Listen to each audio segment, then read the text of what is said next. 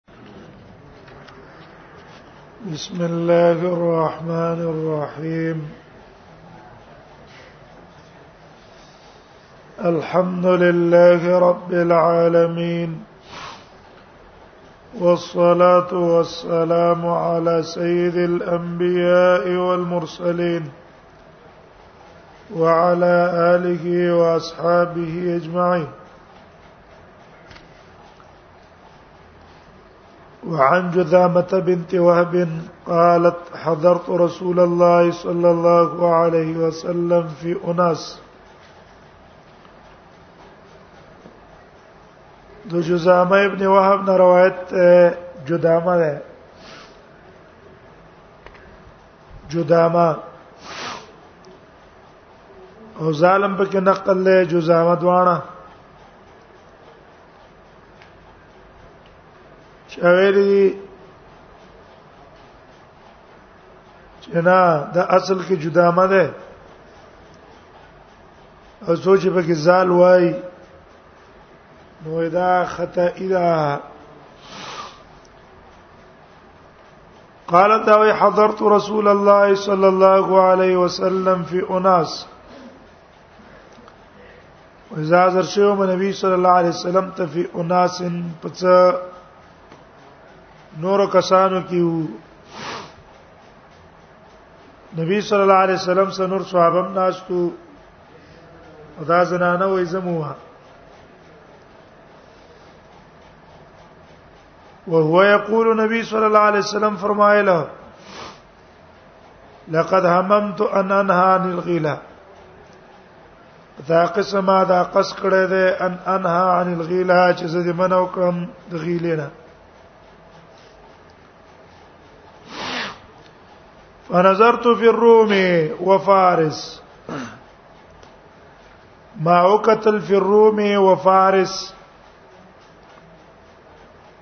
رومیانو تم او فارس والا ته فاذا هم یغیلون اولادهم اغي د خپل اولاد سره غیل کو غیل سمانه دا امام مالک په موطا کې دارنګ اسماعیل او نور ائمه د لغت هغه وی غیله دې ته ویل کیږي ان یجامع الرجل امراته وهي مرضع یو سړی را اولګي د خپل خیس سره جماع وکي په داسې حالت کې چې دا خزه ته ور کوي ماشوم ته عربی اغال الرجل او غیل کله اذا فعل ذلك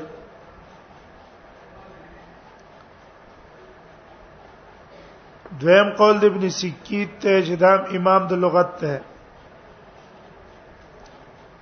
ابن سکیت چې امام دی د لغت هغه وی غیله دی ته وای ان ترجع المرأه وهي حامل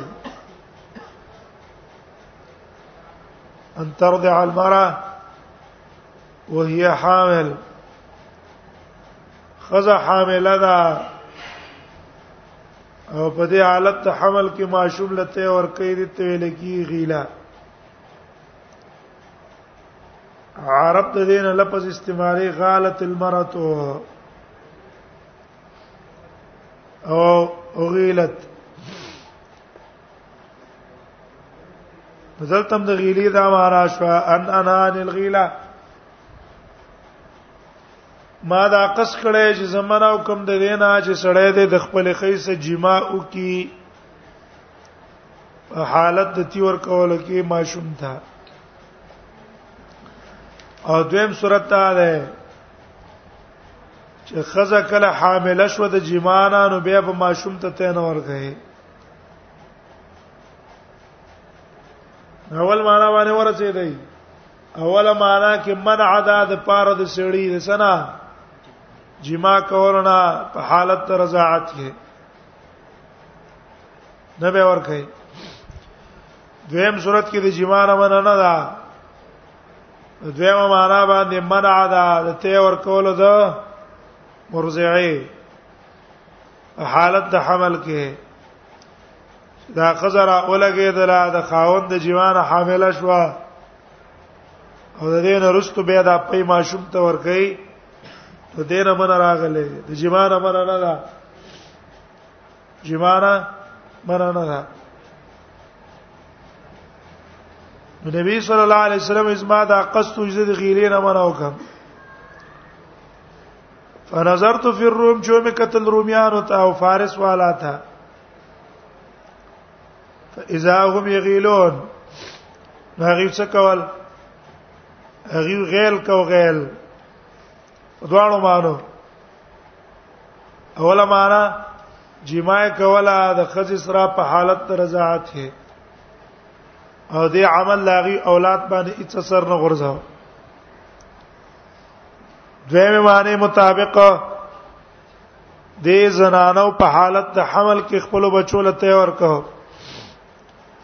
او دې ته ورکول څه اثر پاغې نه غورځاو فلا يضر ضرر نه ورکو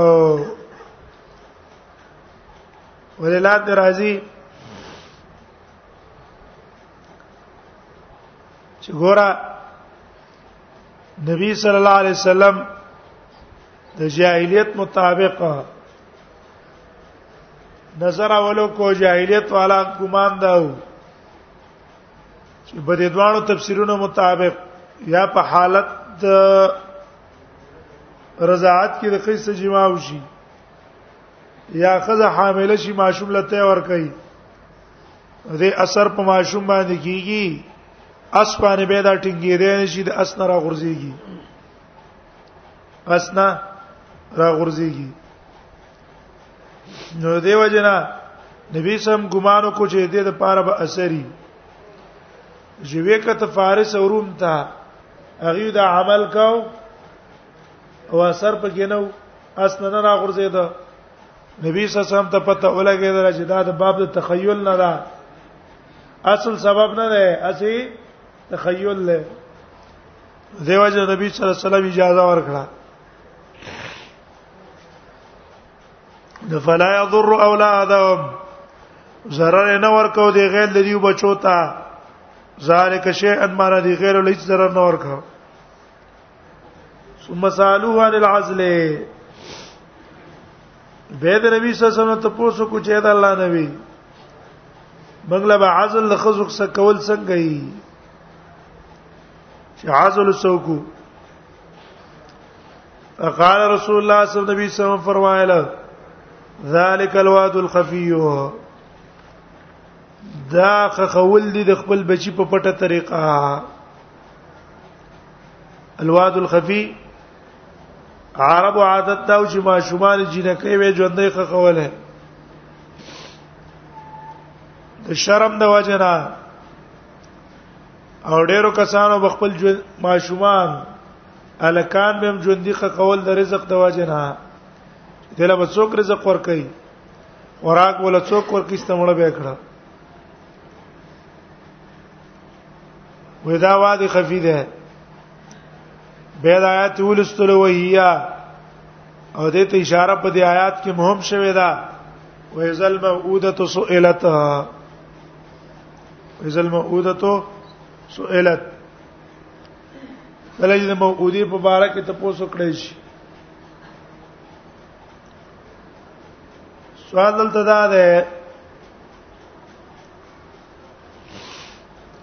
چې نبی صلی الله علیه وسلم د عزل ته وادي خفي ویلو حلاله ډېر احادیثو کې جواز د عزل له دلته نبی صلی الله علیه وسلم تعبیر د عزل نه پڅو کړو وادي خفي وادي خفي ناروا ده کنه ده ژوندې خول د انسان حرام دي ګوره دلته وادي خپي ویاله یو اشکال لا ده چې ګوره دا حدیث دلالت کوي په منع او مخکې احادیث دي د جواز دویم اشکال په دې حدیث دا ده دلته ګوره نبی صلی الله علیه وسلم دې ته پخپل وادي خفي ویلا چې تو ویل وادي خفي لیکن بل روایت کې دي چې نبی صلی الله علیه وسلم ته چا ویلا چې يهوديان وايي دا عزل چې ده دا الموعوده الصغرى ده هي الموعوده الصغرى نبی صلی الله علیه وسلم یې دروغ وای ما من نسمه کائنه الا سيكون هر بچی چې الله کوي هغه خامخا کیږي نګوره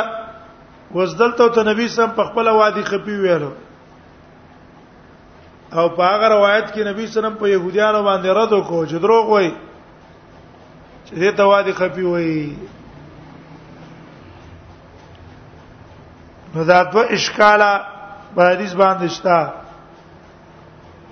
دیو جن علماء را لګی دي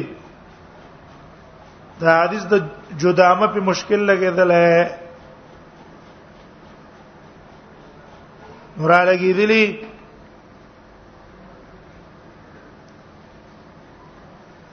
د دینه جوابات کړي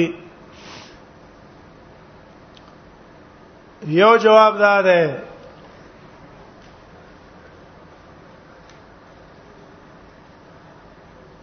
چې دی باندې سعید ابن ایوب په دې حدیث ته پر رد کړی دی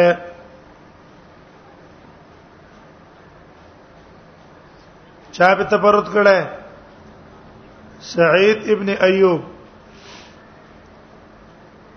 دغه دا قول امام شوکانی دی هغه دا تفرد ته د سعید ابن ابي ايوب او مخالف ته دغه احادیث د جواز د عزل نه لہذا دا روایت څه شو کمزور شو دا روایت کمزور شو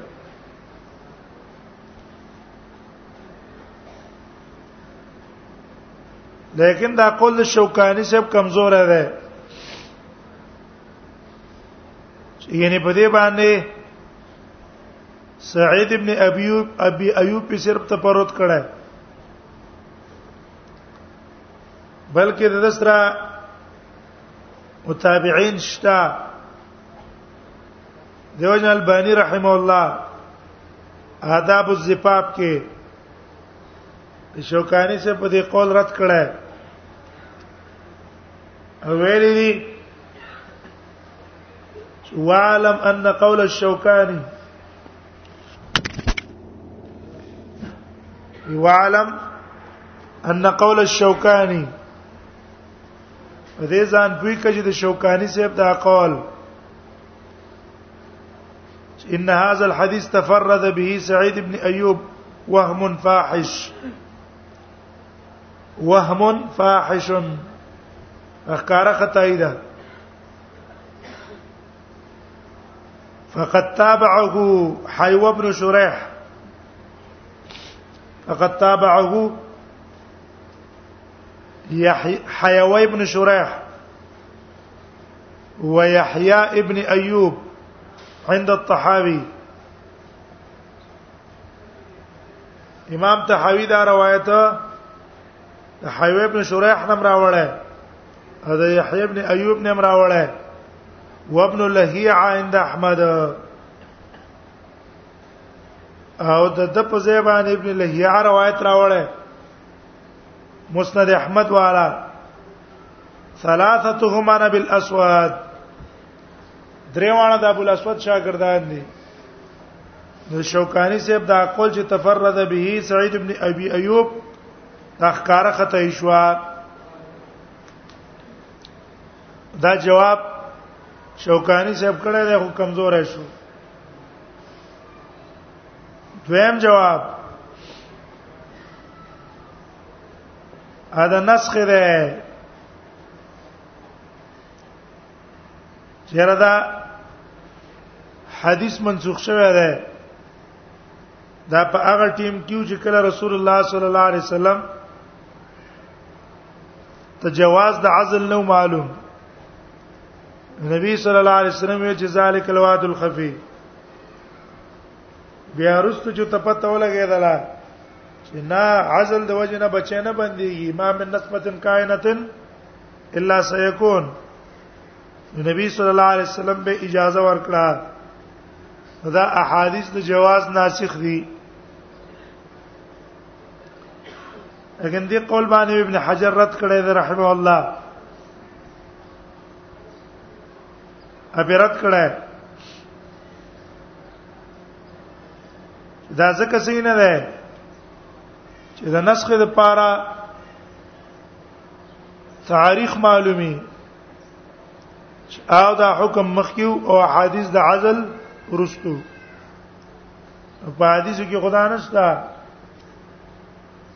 دا خبره مخکې ده که مخکې نه خبره مخکې ده جواز حدیث مخکې دي او کدا حدیث نه مره مخ کی دی دیو جن دا قول په نسخه صحیح نه ده دریم جواب وې دا نبی صلی الله علیه وسلم اول قول کې کړو موافقتا لليهود بیا نبی صلی الله علیه وسلم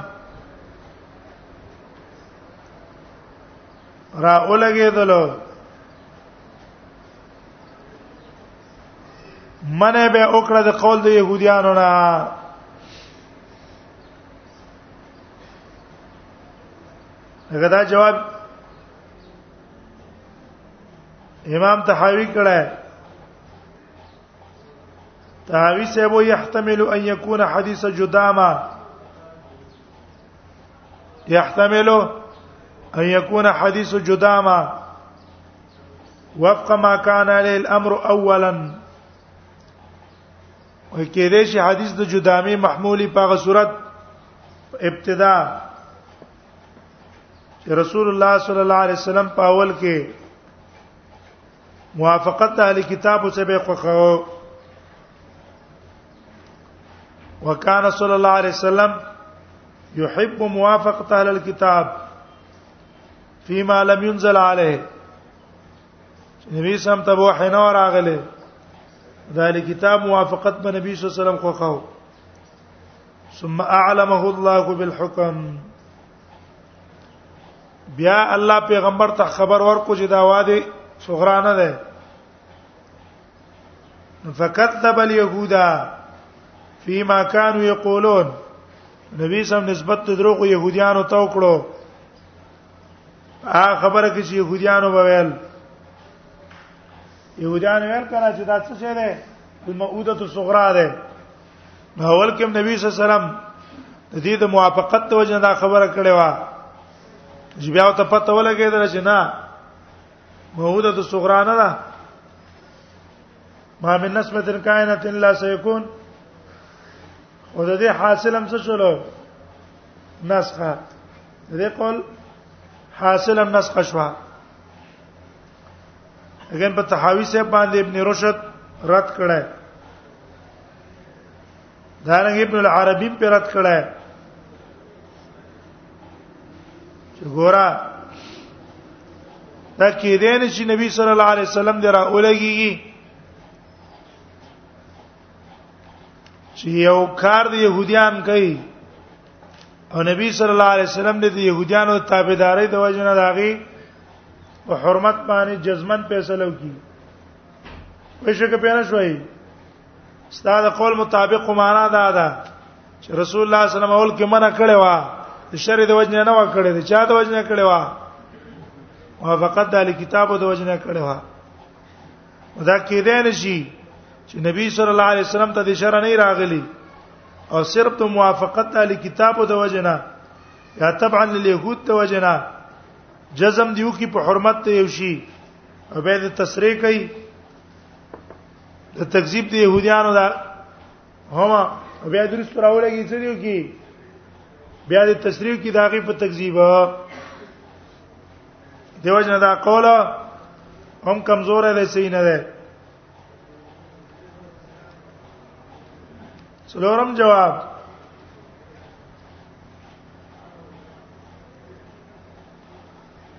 هغه دا ده چې تصحیح حدیث جدا ما وای دا حدیث د جدامه بالکل صحیح ده انور احادیث چې کوم دي دا زعیب دي سمانا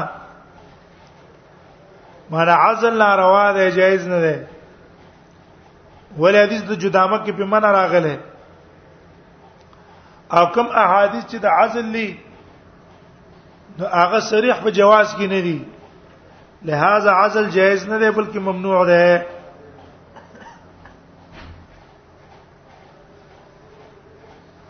غبطي جواب باندې حافظ ابن حجر رد کړه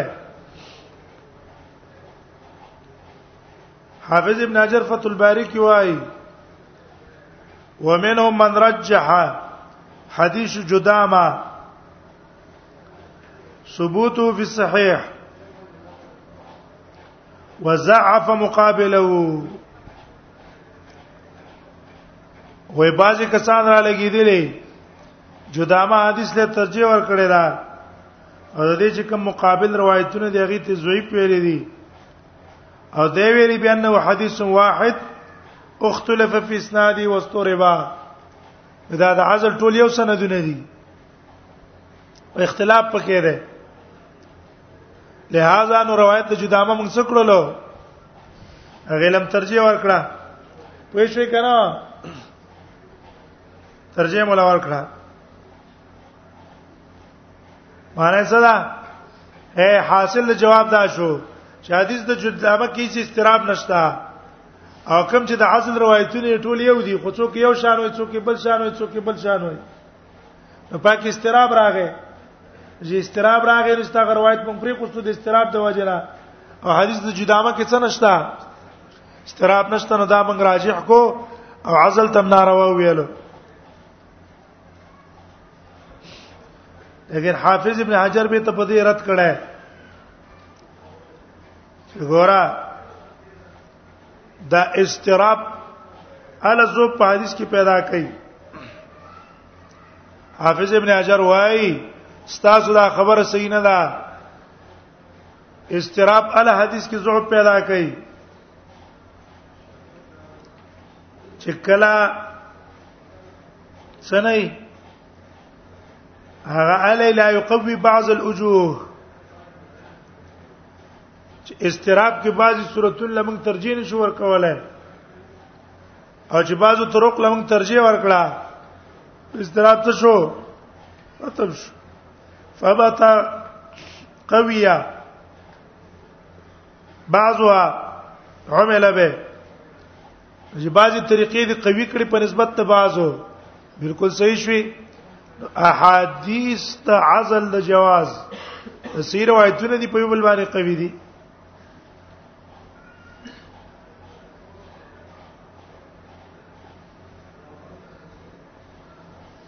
د ابن حزم رائے به په دې حدیثو کې دا ده د ابن حزم حافظ ابن حجر رحم الله فتح الباری کې هغه نقل کړي چې ورجح ابن حفظ حزم ابن حزم العمل بحديث جدامه وی ګورا په حدیث د جدامه به موږ عمل کوو او دا به ناسخ ګرځو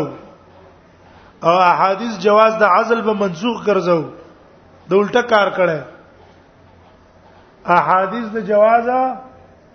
منسوخ دي او احادیث د نهي ناسخ دي وجه دا ده وجه ویل ان احادیث غیرها توافق اصل الاباحه وی احادیث جواز د عزل موافق دي چا سره اصل به حسرا سمانا شرک خو حرمت نو کرا عزلم جایزو اصل په اصل په عزل کې به حد ته کرا حرمت په د څه وجه ناراضي د شری د وجه نه ټیک شو وس وحديث يدل على المنع او دا حدیث د جدامه دلالت کوي په منع نو وس که څوک دا داوا کوي فمن اتع انه ابيح بعد ان منع على البيان ورته اصل کې باحت شو اصل کې مباح شو اصل کې حرام نه ده نو د حرمت نمخ کې حلال دي احادیث د عزل دا چې راغلي موافق د چا سره راغلي اصل سره روس تو نبی صلی الله علیه وسلم ته منع کړي حدیث د جدا مرستو ده نو دا ول ناسخ شو دا قولم تقریبا هغه دویم درجه ده کنه ابن حزم د قولم چا درجه ده ما غدوین د نسخ ته او دلیل د نسخ څه ویل دی دلیل د نسخ اصل ویل او که څوک وی جنا اصل کې مباح دي او بیا رستو ته منع رااله به ته سره رااله منع رااله د منع نه رستو اباحت راغې منع نه رستو اباحت راغې دا بچ کوي دا به دلیل پیش کړي لیکن د قول کمزور دی وجد زو پیدا ده چې دا قول به اعلی من ناسخ او مانع ګرځول وي د عزل نه چې دا حدیث د جدامه صریح په حرمت کې او دا حدیث خو صریح په منع کې نه ده زید ته زید ته کې څه ویل شي وادي خفیو ته ویل شي ذالک الواد الخفی او یو شی مسما کمل په واد الخفی سره په طریقې د تشبیه دا څه نه وی دا حرام نه وی دا د حرامي دویمه خبرم دقه څه ده چې ټیک ده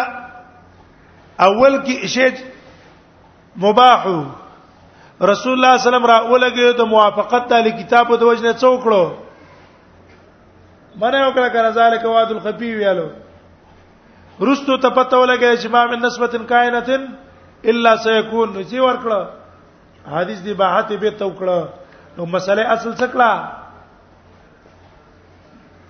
اصل علی کی د اصل باندې پرې خوستا دلته چې دا امر کړو د څه د وجنه کړو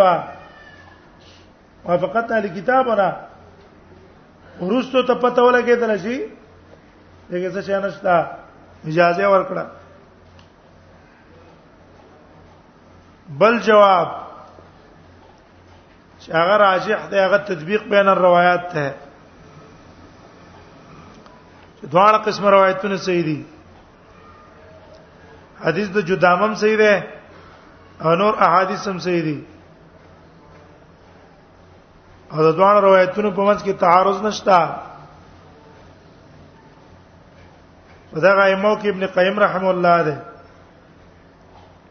او ابن حاج ابن حجرم تطبیق کړی دی چې دوه قولونو منځ کې څه کړی دی وګوره يهوديانو چې ته موعوده صغرا ویلې او نبی سلام پاغي بیا رد کړه او دلته اثبات کړه ده چې واد الخفي ده وګوره دا غي غرض دا د يهوديانو الموعوده الصغرى دا بینه دقه سده لکه ژوندې ماشوم خخول هغه ته موده صغرا په سبانه ویلې اعتبار د حقیقت سره دا د سیده لکه ژوندې ماشوم خخول دی نبی سلام پاغي باندې په دغه اعتبار رد وکړو او واد الخفی چې توله په اعتبار د سبب واد خفی اعتبار د سبب او مجازیت ویلې څنګه جنې دی یا لک د ژوندې خخ کو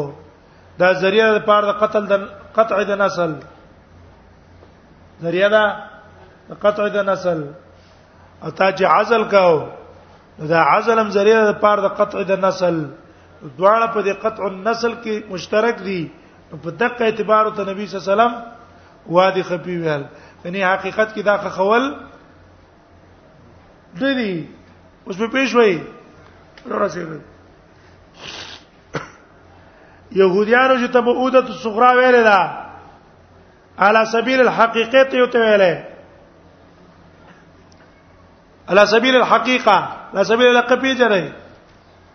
باشوب الک او باشوب جره په زبکه کې خخه کړه دا به اوده شو کړه شو ټیک شو دا څوره جرم ده ګناه کبیره ده کنه وې دقه سي دا عزلم دا چې څنګه هغه به اوده صغرا ده دا عزلم به اوده صغرا ده د دیو ته به اوده صغرا په کوم اعتبار ویلې حقیقت رسول الله صلی الله علیه وسلم تکذیب وکړو دروغ وای شتا هغه ژوند دی دلته رتبه ده کې دې شي بچی ته کیږي نه ته کیږي د دواړو یو شان شو نه دي کړی یو شان زکه به رسول الله صلی الله علیه وسلم را دکو او دلته چې نبی صلی الله علیه وسلم تواد الخفی ویل دی نو دا واد الخفی دا صرف په دې علتیت کې وته ویل دی لکه ګوره الته معشوم خخ کو دا معشوم خخول سبب د قطع النسل نه کنه ده ماشومان ستا پیدا کیږي او ته خخې مړکه قطع د نسل کیږي کنه دغه چې عزلم کې د عزلم سبب څه ده دا ټول خلک عزل کوي بچي به پیدا کیږي نو پیدا کیږي کنه نو وادي خفیو ته په کوم اعتبار ویلو اعتبار د سببیت نو دا په اعتبار د سببیت ته په يهوديانو چې تکذیب کړي په اعتبار د حقیقت غواړو بس کې ورافات نشته وي تعارض هم د حدیثو منځ کې نشته او نبی صلی الله علیه وسلم به وجه دا بیان کړه چا دام جواب کړی چې نه يهوديانو دا عزل مؤثر غنلو څه غنلو مؤثر غنلو په معنا د حمل کې حاصل لیکو بچي به دې نه کیږي مقابل د تقدیر کې غړلو او نبی صلی الله علیه وسلم یې حاصل بکې خو موثر به نه غړې ځکه ما من نسبتن کائنتن الا سيكون تا په مرتبه د سبب کې وګرځوا ځکه پاغي ورت کړي چې دروغ وای دلته ته وادي سقفیو ته په دی وجه ویلې چې ټیک د مقابل د تقدیر شي نه ده الله چې څه کوي هغه کوي خطا خو یو سبب دی د قتل د نسل لپاره کړه ځکه وادي خفیو ته ویلې واد الخفی ها به پدې کې راجح دا ده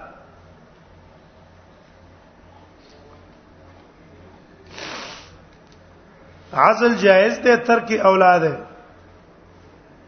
عزل جائز ده ترک اولاد ده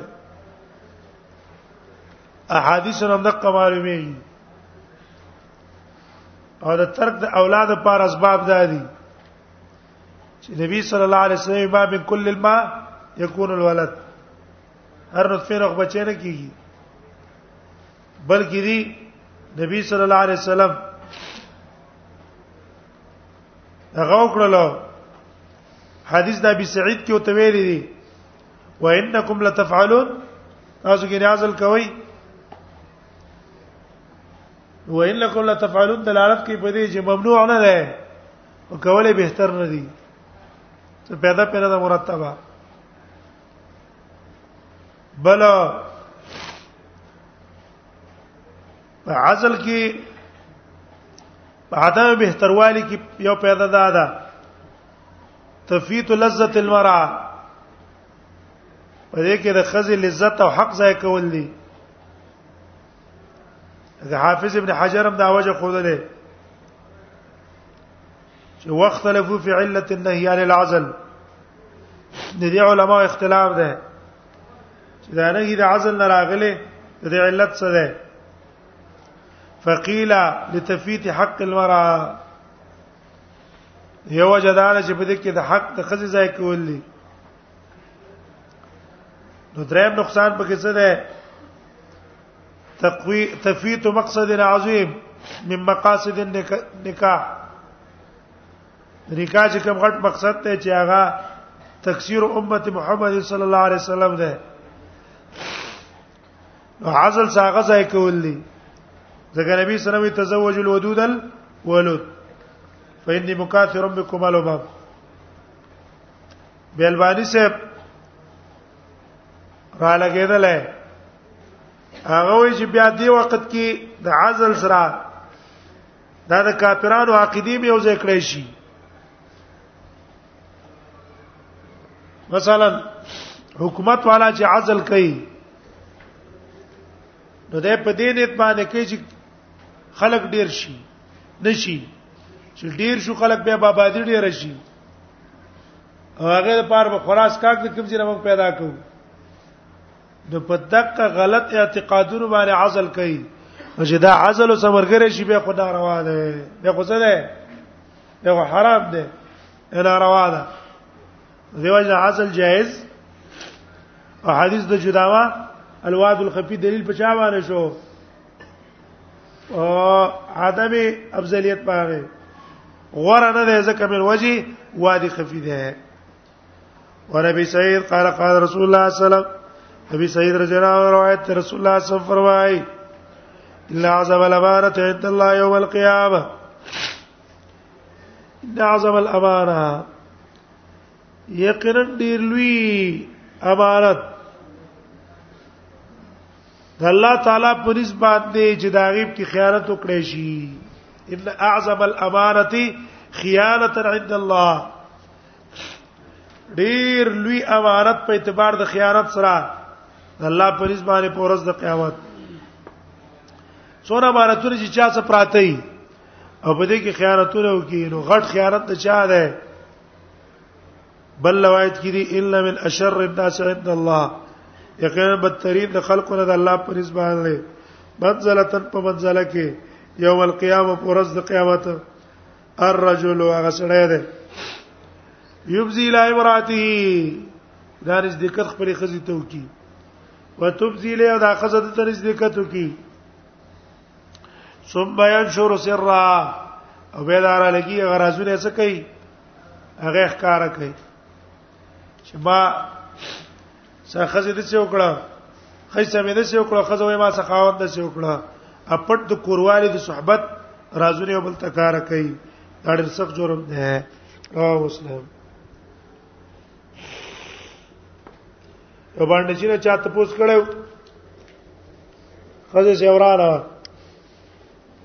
استاد خزه څه په څه باندې وراله هغه لازمه خزه د ازما او د هغه مز کې راز ده ته زما د راز ته پوس سره کې زما د زما د خزه راز مز کې ته پوسه به طلاق کړه نو چا ته پوسو کو چې په څه طلاق کړه هغه لا پردې خزه د عثمان څخه کار دی چې زه د پردې خزي خبرې کوم زما خزه خوسته ده عثمان راتلې ده خزي او د خاوند راس پس کې پټي اب سړی نه کار کوي دیو ځه حدیث کې دا راځي خاوند راولېږي خزي واله حدود الله دې زره به تپوست کی دا دی والے والے کې دې شي د یو کار باندې والي چې دا دیو بس کې راځي دیو ځه دا غي تپوست بم نه کیږي